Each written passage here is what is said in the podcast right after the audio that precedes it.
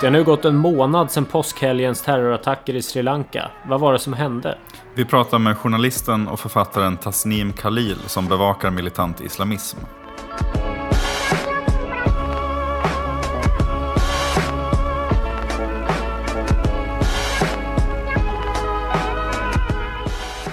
Men först då, vi har ju lite glada nyheter från eh, Myanmar.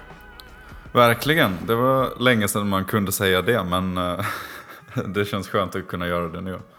Ja, Reuters-journalisterna Wallon och alltså O har ju blivit frigivna under en sån här eh, amnesti. Efter 500 dagar ungefär i, i, bakom lås och bom. Ja, jätte, jätteskönt. De, vi pratade ju om dem i avsnitt 9 var det va? Mm.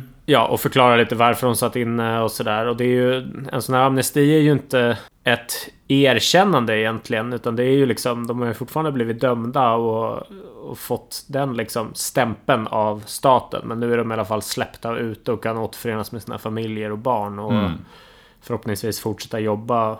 Ja, och, jag, och det är klart, det, det finns massa politiska fångar kvar i fängelserna i Myanmar, men det är ändå glädjande, eh, liksom, i alla fall för stunden, att, att de här två nu är ute. Eh, och att, att det kom, det var ändå ganska oväntat att de skulle släppas, så att det, eh, ja, det var väldigt skönt att se. Ja, verkligen. Men eh, tillbaks till eh, Sri Lanka då. Islamic terrorists killed hundreds in Sri Lanka on Easter Sunday. We begin tonight with the horrific scene unfolding overseas. There are at least 200 people who have been killed, fi- 450 more injured this morning after eight coordinated bombings across the country. ISIS is now claiming responsibility for the coordinated Easter Sunday bombings Ja, det har ju nu gått några veckor sedan påskhelgen och eh, terrorattentaten i Sri Lanka. Ehm, jag vet inte vad dödssiffran landade på, men det var ju väldigt högt. Men det var knappt 300 personer som dödades i de här attackerna på kyrkor och på lyxhotell. Ja, precis. Ja, det rapporterats om mellan 250 och 300 ungefär döda. Eh, Den räknades ju ner lite efter att det framkommit att man råkat räkna samma personer flera gånger på grund av att det var liksom utspridda kroppsdelar. Eh, Så då har man räknat liksom en arm där och en kropp där och inte satt ihop dem. Men det var åtta olika attacker på tre kyrkor bland annat. Och en, ehm, det är väl ingen eh, lyssnare som har missat eh, den här händelsen förstås. Och det har ju varit ganska mycket rapportering kring det. Men vi tänkte ändå att vi skulle försöka gå lite djupare i det här. Vad det var som hände. Men också debatten i Sri Lanka som har följt attackerna. Ehm, För det har ju kommit en del kritik. Ja, precis. Det har kommit hård kritik mot eh, premiärministern eh, som eller från honom då som säger att eh, myndigheterna hade information om möjliga attacker men inte agerade på det. Eh, presidenten säger att han inte kände till någonting men men New York Times säger samtidigt att de eh, har en lång rad pappersspår som gör det påståendet ganska otroligt. Eh, det finns bland annat ett eh, en memo eller ett PM från eh, den 9 april där liksom underrättelsetjänsten, chefen för underrättelsetjänsten eh, skriver till eh, chefen för polisen då, polischefen helt enkelt. Eh, och säger att det liksom eh, finns en grupp som planerar att eh, utföra attentat mot några viktiga kyrkor i huvudstaden. Och att det finns liksom ja, Eh, ungefär vilka tillvägagångssätt de kanske skulle kunna använda och sådär.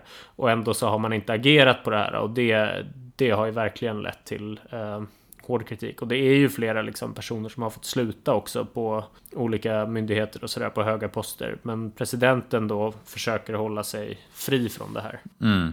Och det här är ju en i raden av sådana här attacker i regionen. Vi har ju sett också, bara för några år sedan, en eh, stor attack i Bangladesh, i Dhaka, som eh, eh terrorgruppen IS tog på sig, precis som de har gjort i det här fallet. Och det finns ju exempel med eh, militant islamism i, i andra länder i regionen, Indonesien, Pakistan, Afghanistan och så vidare. Så att vi tänkte att vi skulle passa på att prata om det här fenomenet. Dels i, en kontext i Sri Lanka men också lite bredare i Sydasien generellt. Sådär. Um, och för det så har vi en gäst med oss. Um, en, en, del kanske kommer ihåg honom från avsnitt tre av podden. Det är Tasnim Khalil, svensk-bangladeshisk journalist och författare som bevakar militant islamism bland annat. Um, som är med oss nu. Tasnim, hi, how are you? Hi, Axel. I'm good. Well, let's. So uh, we've been talking here about the um, uh, the Easter bombings in Sri Lanka, and uh, and we mentioned briefly uh, the uh, attackers, and there's there's been some arrests made. What do we know about these uh, the people who committed these attacks in Sri Lanka? What we know up until now is that this this used to be a very small group of radical uh, Islamists uh, who were followers of this uh, crazy uh, Imam. And uh, I mean, one thing they did up until very recently, even a few months back, I mean, they were defacing different Buddhist uh, religious installations and stuff like that. Um, so that's that's one thing, and also what we know that I mean uh, one of the very rich uh, in uh, businessmen. His his relatives his son and and his daughter-in-law and, and and people like that were also involved with this attack. I mean they quite likely uh, some of the money uh, that that fueled this attack came from them. He was in the spice business right? Yes uh, I mean, the, the, the father was in the spice business. There is no indication that he was directly involved, I guess, uh, but the, but the son.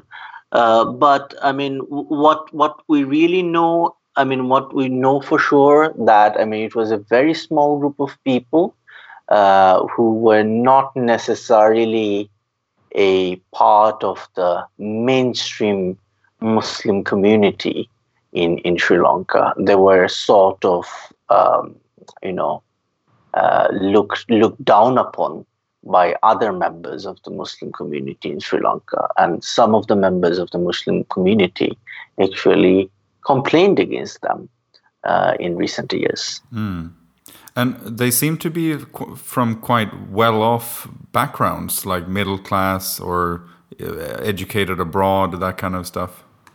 Yeah, there are several. There are several characters like that. I mean, all of them uh, are sort of uh, from from this uh, middle class, upper middle class background.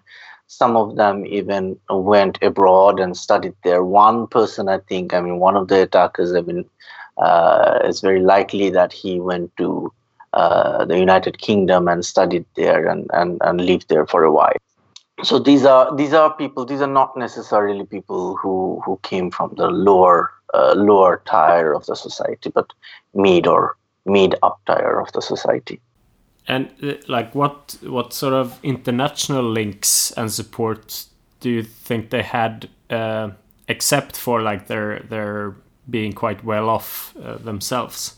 Well, the obvious thing that I mean comes to mind is that this is one of the most sophisticated attacks carried out not only in Sri Lanka but across South Asia for, for quite a long time now.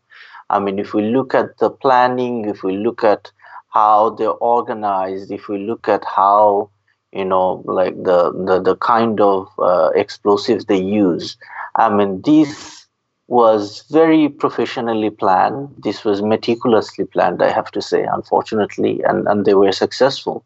So uh, one of the working theories we, we have right now is that they receive substantial um, backing from some group. I mean, here uh, we, are, we are looking at uh, ISIS, most likely. ISIS has taken responsibility for this attack. Mm. Um, we are we're looking at someone from outside uh, Sri Lanka mm. who actually uh, helped this group of people who had no prior experience, who, who are, by the way, not, you know, like we don't know them as jihadis, we don't know um, them as people who went abroad went outside Sri Lanka, uh, maybe fought in, in some kind of um, battle outside the country, and then came back and then carried out this attack. That didn't happen. I mean, here we are looking at a group of people who are who did not have history of such kind of uh, violent attacks, um, but they they carried out uh, this attack nonetheless. So we are we are definitely um, looking at a situation where they receive substantial amount of international uh, backing. I see. And you mentioned also that there were similarities to other attacks in in South Asia. What what can you elaborate a bit on that? Well, this was this was I mean the similarities. I mean it's very similar uh, to what we saw in Bangladesh in uh, back in 2016 uh, w- when ISIS got uh, five uh, young guys, uh, also from very well-off families. Only two were from from very low, lower, poor background, but I mean the three of them were extremely rich kids. Uh, who who who were uh, who studied abroad and all that. So we, we see a similarity there where the profile of the attackers in, in Sri Lanka matches very closely with the profile of the attackers in Bangladesh in Dhaka. Uh, then we also have this uh, group, um, a, a group of five people, a group of six people, eight people, uh, carrying out a very sophisticated very uh, well well planned uh, attack like this. So there are definitely are similarities, and and that's that's what is more most worrying. I mean, we thought that with the defeat of ISIS in uh, Syria and Iraq, um, you know, maybe I mean these sort of attacks would become part of history. But what we can see that in Sri Lanka, I mean, they have uh, given us a warning that no, this is still gonna still going to happen in South South Asia. Hmm. And so, how can one understand or explain how these kinds of people can be radicalized and commit these kinds of attacks? Well, I mean, radicalization uh, has so many roots, and it's it's it's it's a multi-dimensional problem. You never know. I mean, uh, why someone gets radicalized so quickly, and we have been I mean, researchers, if you ask them, I mean, they have been uh, working uh, throughout their career to to sort of solve this this this problem, and and they don't have any solution. Um, what happened specifically in Sri Lanka that we know that I mean the the situation was that there was a huge anti Muslim campaign by the Sri Lankan Buddhist group uh, Bodu Bala Sena recently. There were anti-Muslim riots also. So one theory is that these this group of people they were shocked and they they saw what's happening to to their own community and they they got radicalized. That this is one theory, but that does not necessarily explain why they targeted Sri Lankan Christians.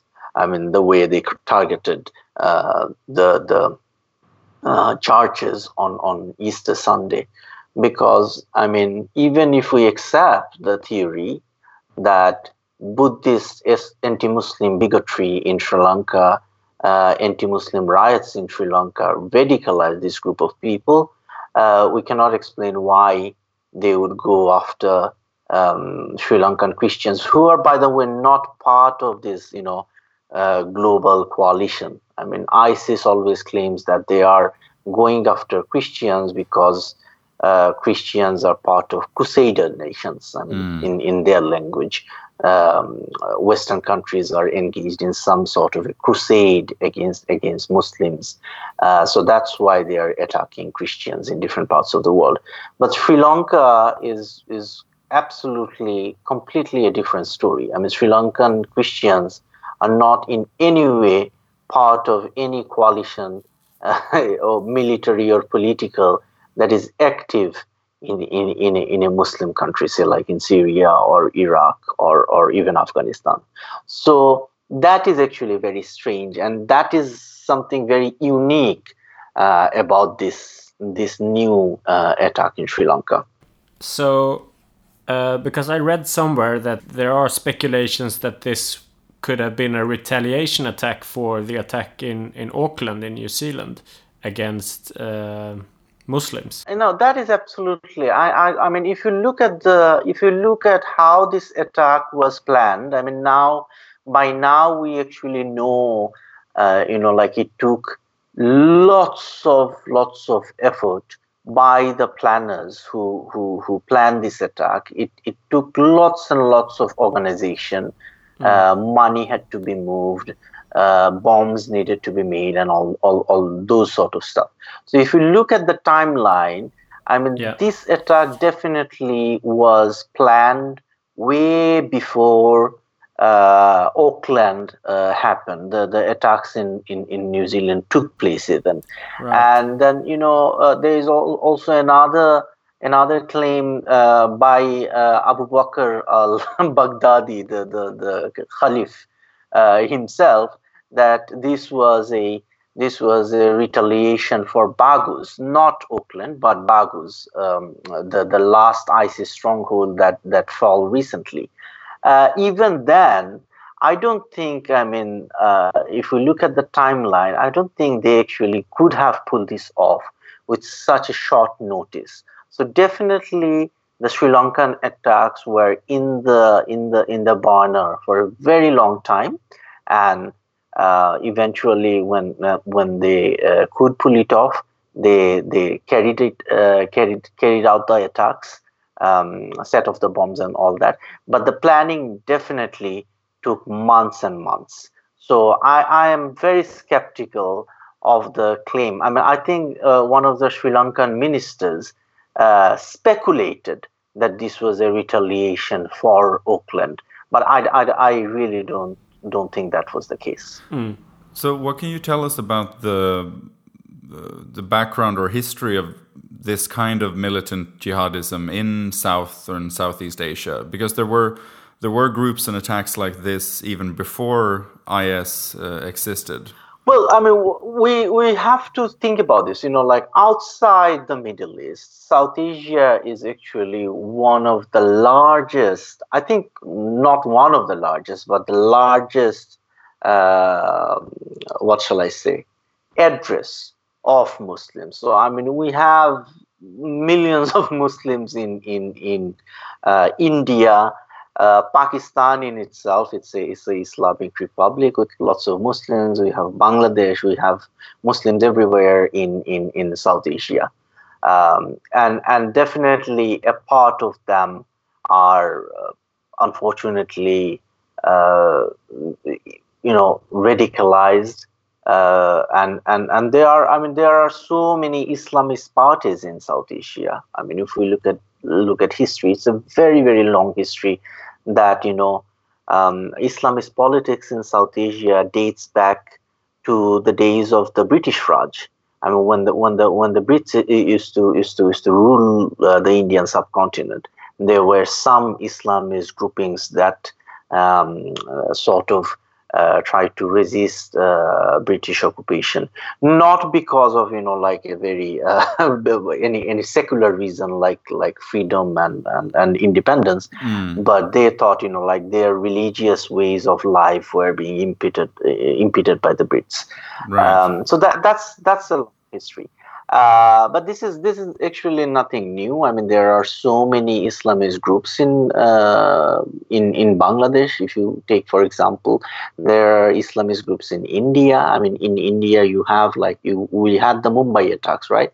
Uh, though that was carried out by by a Pakistani cell, and we have like Pakistan actively sponsoring different jihadi groups for a very long time. So it's a very complicated history which is a little bit difficult to sort of like explain in in within within a broad caption you know sure but uh, so is it fair to say that when um, with uh, the influence of ISIS, they sort of latched on to this existing network of uh, militant groups and could use them to, uh, you know, to to increase their influence in in the region.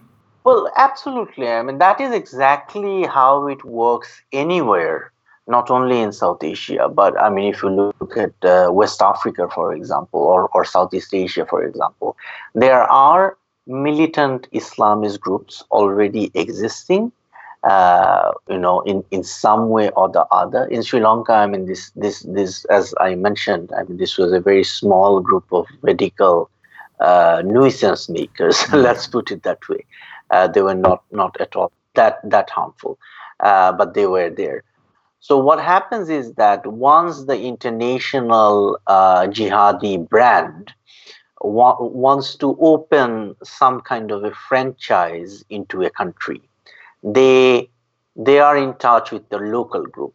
So what happened in Bangladesh, for example, was that Bangladeshi groups there was uh, JMB, they were part of Al Qaeda, they were part of other Islamist groups also. So you know, some some of them came together and they came in touch with ISIS, and then ISIS high command in in in Syria. Uh, they sort of gave their seal of approval. It, it's pretty much like you know, like this is this is you know like the mcdonald of jihadism right? If you want to if you want to if you want to open a mcdonald's or or i don't know a burger king at your local um, in, in your in your city you you get in touch with the you know like franchising manager and ask for permission and that's that's how you go forward. So this is exactly this is exactly how how isis works. So isis would actually you know like give permission to some local um, local militant group to use its name as long as they have you know like they have declared the, uh, the, the they have pledged allegiance or or, or uh, what they call baya uh, to ISIS, to the Khalifa, to Abu Bakr al-Baghdadi. As long as they have done that, um, they can they can become part of the larger uh, international brand of ISIS. Um, and that's how that's how they have been uh, doing it. And now we fear that they are gonna. I mean, going forward, uh, this is how how they will expand. So, how would you assess the current threat from these militants in South Asia today? Obviously, they are very capable, as we could see in in Sri Lanka.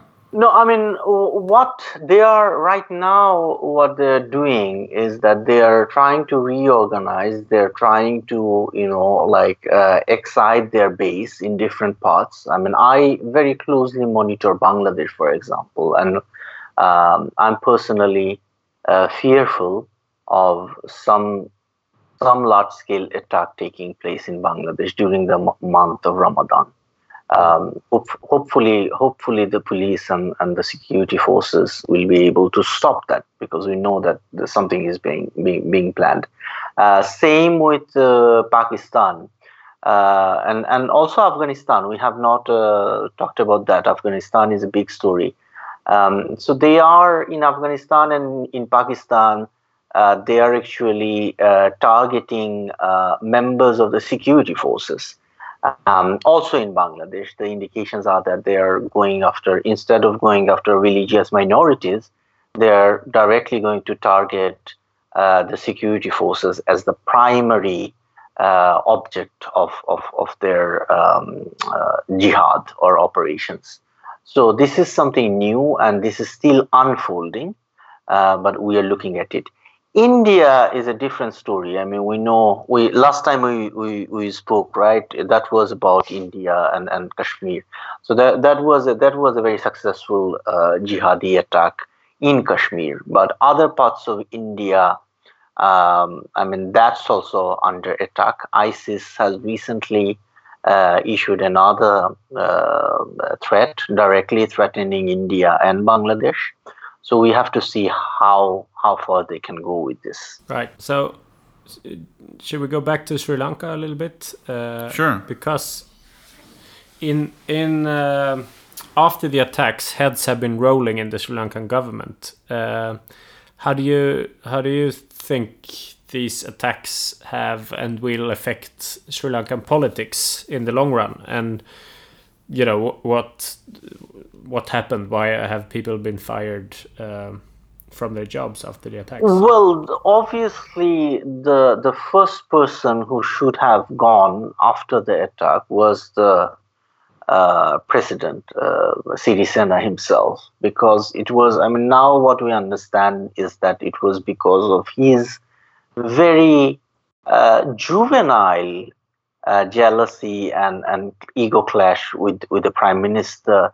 I mean, there was a serious um, lack of intelligence sharing, uh, even with the police, even with the civilian side of the police and, and, and the intelligence agency, the military did not even share this information properly. And that's why these attacks took place because Indian uh, intelligence agencies actually are now saying that we gave them all the details months before this attack was being planned and it was that's that's a long story.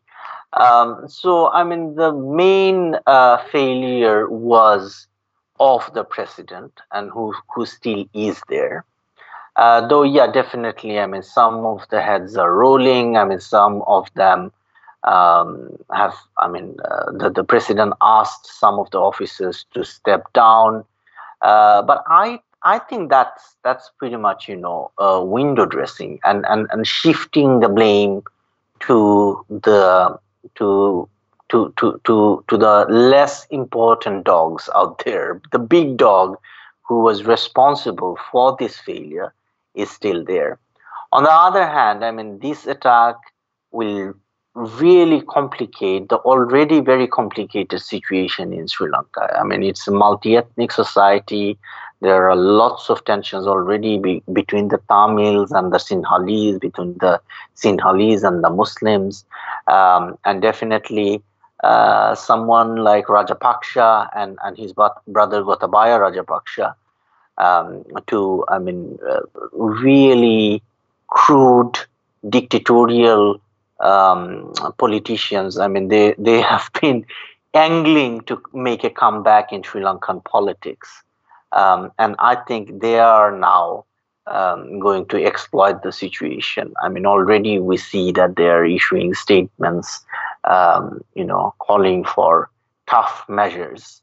Um, which I mean, we, we know Rajapaksha uh, and, and and his brothers as people who are accused of serious uh, crimes um, against Tamil rebels or, or alleged Tamil rebels during during the civil war. So I mean, it this this whole whole attack very much complicates the situation in in Sri Lanka. Mm. Yeah, and there seems to be a very classical response to this kind of incident. You know, with hard measures and the same approach that we've seen in other countries uh, following uh, terrorist attacks. Um, and you've written also um, in in your book about death squads in South Asia. A lot of it is focused on these paramilitary units of the police who are tasked with, among other things, uh, combating terrorism, and they then go on to commit all kinds of atrocities against militants, but also against uh, political opponents and, and whatever. Yeah, absolutely. And then, you know, you don't even have the, I mean, once you have uh, brought the genie out of the bottle, you do not have the recourse to check who really is a militant and who really is not a militant. So the security forces actually go after anyone and everyone. And that further radicalizes the whole population. So, I mean, we have seen that, we have seen that in Kashmir, we have seen that in, in, in Bangladesh. We have seen that in Pakistan mostly, uh, where, you know, where I, in my book, I actually write about how um, Operation uh, Zarb-e-Azb by the Pakistani army uh, led directly to, to, to other attacks in Pakistan. Uh, so, yeah, definitely. I mean, as long as we do not have rule of law and as long as we do not have uh, proper protection for human rights. I mean that we rule of law and protection for human rights are the only antidotes against you know this kind of radicalizations we have anywhere in the world and it's very unfortunate that i mean we still see that whenever something like this happens i mean there are calls for you know, very stringent, tough measures um, uh, by by by the security forces, which was ju- just just you know like w- w- w- is is never works, but that's exactly what everyone asks for every time. Yeah.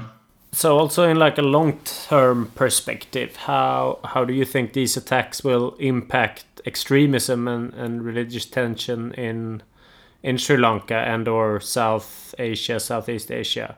I mean, uh, the president issued a state of emergency and has issued a ban on on uh, veils and uh, niqabs and uh, burqas and, and things covering your face. Uh, I mean, it easily turns into a sort of anti-Muslim thing as well. Do you think this is uh, something we will see more of, or what's what's your thought on that?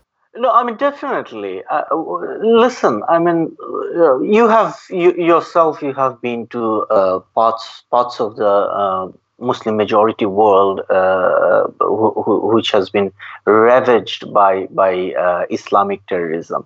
The main victim of Islamic or, or jihadi terrorism are Muslims themselves. That is, I mean, they, they are the first victims and they're also the second victims because you know like the the anti-muslim bigotry uh, that follows the anti-muslim campaigns that that that follow uh, such attacks are also targeted at, at muslims. And jihadis know this very well and they they actually quote this kind of things.